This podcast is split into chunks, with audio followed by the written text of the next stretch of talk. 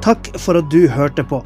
Hvis du tok et steg i tro i dag, eller du har noe du ønsker forbønn for, så vil vi gjerne høre ifra det via e-postadressen kontaktalfakrølltabernakletoier.no. Du er òg velkommen til våre ukentlige gudstjenester i menighetslokalet i Haugskutua 5 26 36 Øyer.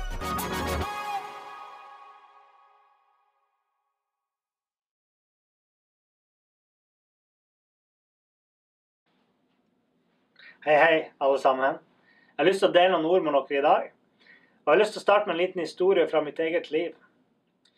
For jeg husker en gang jeg satt i bilen til pappaen min mens han var inne på butikken.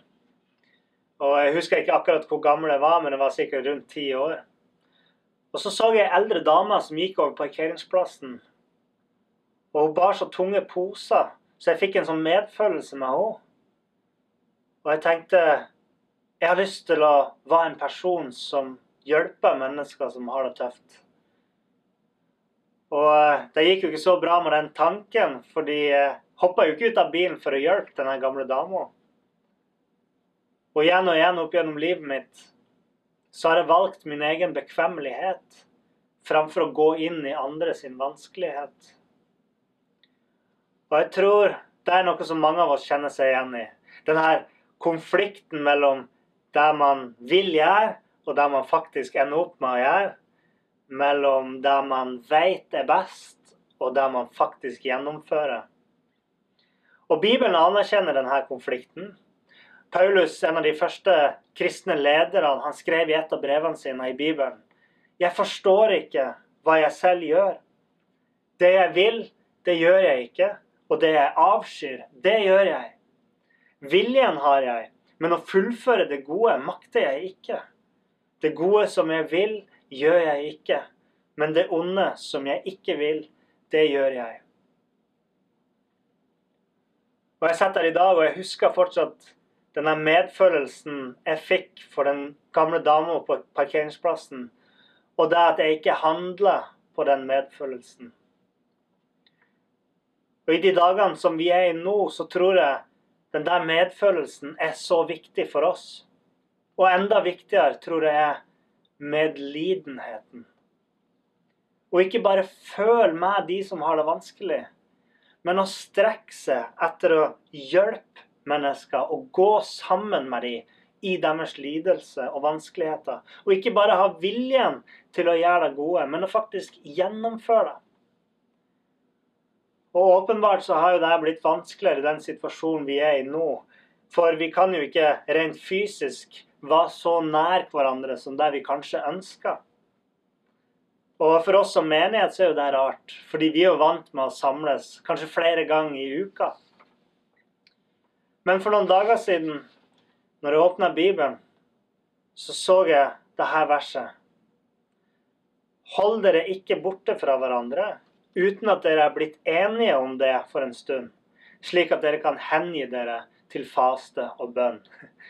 Og I den settingen der verset står i, så handler det om ekteskapet om, og ikke om menighet. For Bibelen snakker mye om viktigheten for menigheter til å komme sammen, men sier ikke så mye om hva man skal gjøre når man ikke kan komme sammen. Så det var det første verset jeg så når jeg åpna Bibelen min.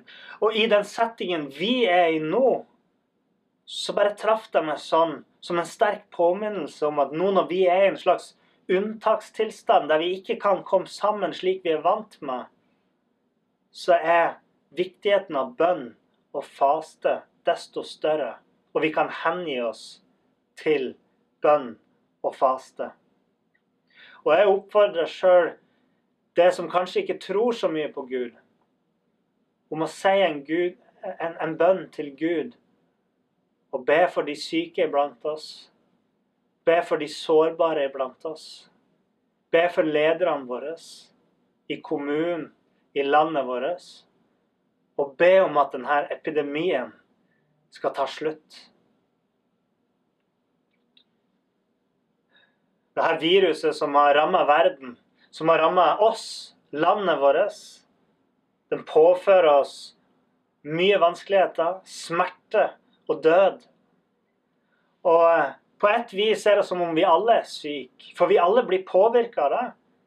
Karantene, isolasjon, permittering, ensomhet, depresjon, sykdom, død, økonomisk usikkerhet. Noen av disse tingene har mange av oss aldri opplevd før i livet, og det er skremmende. Og som enkeltmennesker og som menighet så ønsker vi å støtte denne nasjonale dugnaden for å hjelpe hverandre i denne tida. Og ikke bare med bønn. For vi kan alle spørre oss sjøl hva kan jeg gjøre, og for hvem kan jeg gjøre det? På den måten kan vi være gode medmennesker, gode medborgere og ikke minst gode representanter for Jesus. Menigheter våre kan som menigheter flest ikke løse denne situasjonen. Vi kan ikke lage vaksiner, vi kan ikke fikse økonomien. Vi kan ikke engang samles i det fellesskapet som vi er så glad i. Men vi kan ha medlidenhet. Vi kan gå sammen med de som blir hardest rammet, og strekke ut en hånd og tilby vår hjelp.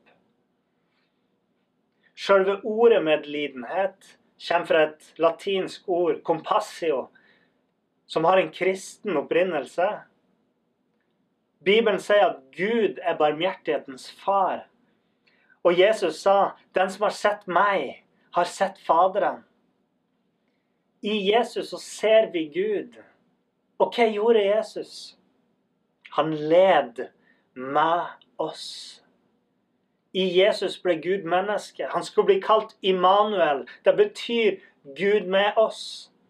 Han levde blant oss, og han ble påført en lidelse de fleste av oss bare kan forestille seg, når han ble pint og hengt på et kors. Og i det han døde på korset, så led han ikke bare med oss, men han led for oss. Bibelen sier at han ble såret for våre lovbrudd, knust for våre synder. Straffen lå på ham. Vi fikk fred. Ved hans sår ble vi helbredet. Han tok på seg de manges skyld og ble rammet i stedet for lovbrytere. Når man møter usikkerhet, så er det ikke de trøstende ordene i seg sjøl som gir trøst men det er de gjerningene som følger med. Og for den kristne så er det tilliten til at fortellinga om den medlidende Gud som vi leser om i Bibelen, er sann, som gir oss ekte trøst. Det at vi vet at Gud kom ned, gikk sammen med oss, døde for oss, bar våre synd, smerte, lidelse og død på sin kropp. For hvilken Gud er som Bibelens Gud, som gjorde det? Som ikke bare sier at han er nådig og barmhjertig, men som viste det ved at han kom og tok straffen på seg sjøl. I Jesu ord og handlinger så viste han oss hva kjærlighet er, hva omsorg for nesten er, nemlig å gi av seg sjøl for andre. Noen har sagt nåden er gratis, men den hadde en høy pris. Jesus betalte prisen med sitt eget liv for at vi skulle gå fri. Gud tok straffen på seg sjøl, sånn at nåden kunne gis til oss. En som heter Alistair McGrath, en eh, tidligere ateist som nå har blitt kristen, og han jobber som akademiker i England, han sa da at åndelig sett er Gud oksygenet i min tilværelse. Jeg tror på en Gud som er gjort kjent og gjort tilgjengelig gjennom Jesus. Altså, en personlig Gud som jeg tror kjenner meg som et individ, bryr seg om meg og istandsetter meg og inspirerer meg til å leve livet mitt med en rigid følelse av formål og en dyp tilfredsstillelse i tjenesten for andre. Mange mennesker som kanskje ikke har rørt en bibel siden konfirmasjonstida, de vet likevel at man bør tro på Gud, og man bør være en kristen. Og Noen ganger er det så sant det her med at det vi vil gjøre, det gode som vi vil gjøre, det gjør vi ikke. Men det trenger ikke alltid å være sånn. En mann i menigheten vår hadde det sånn.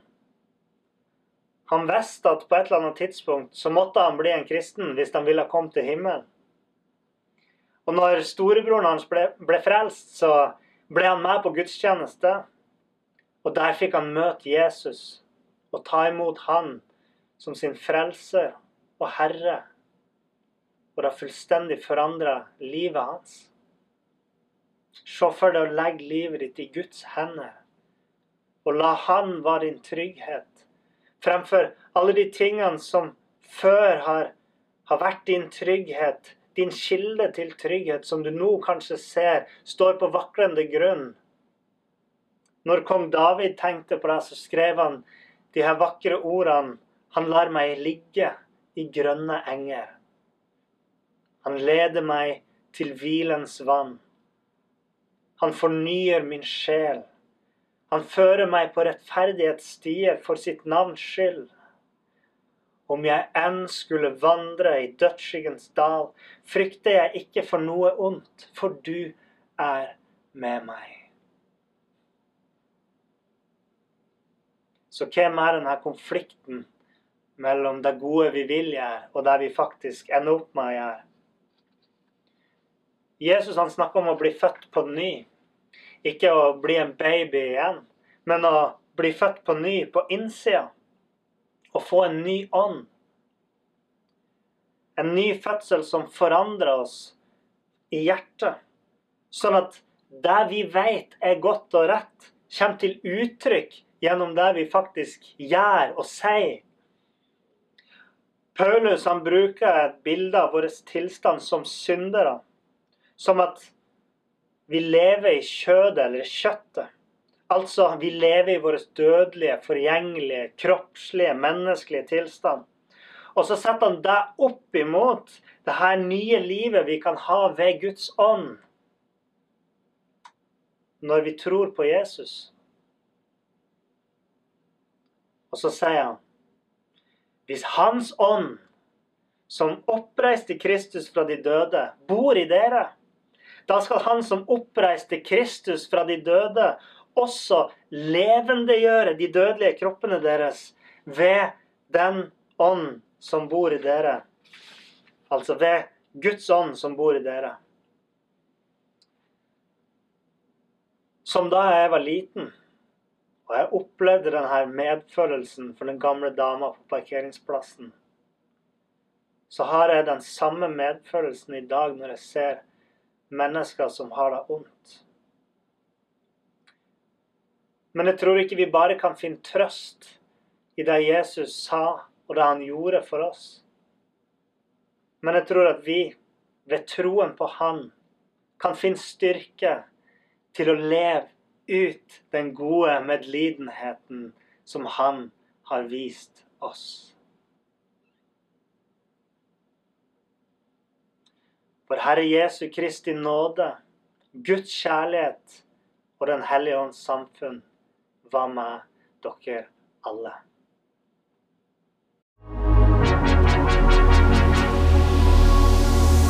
Hei og velkommen til denne podkasten, der du kan høre prekener fra Tabernaklet Øyer. Vi håper det du hører her, vil være til oppbyggelse for det, og at det kan være til hjelp med å lede det til sannheten om Jesus. Hvis du ønsker å finne ut mer om oss, kan du gå inn på hjemmesida vår på tabernakletoyer.no.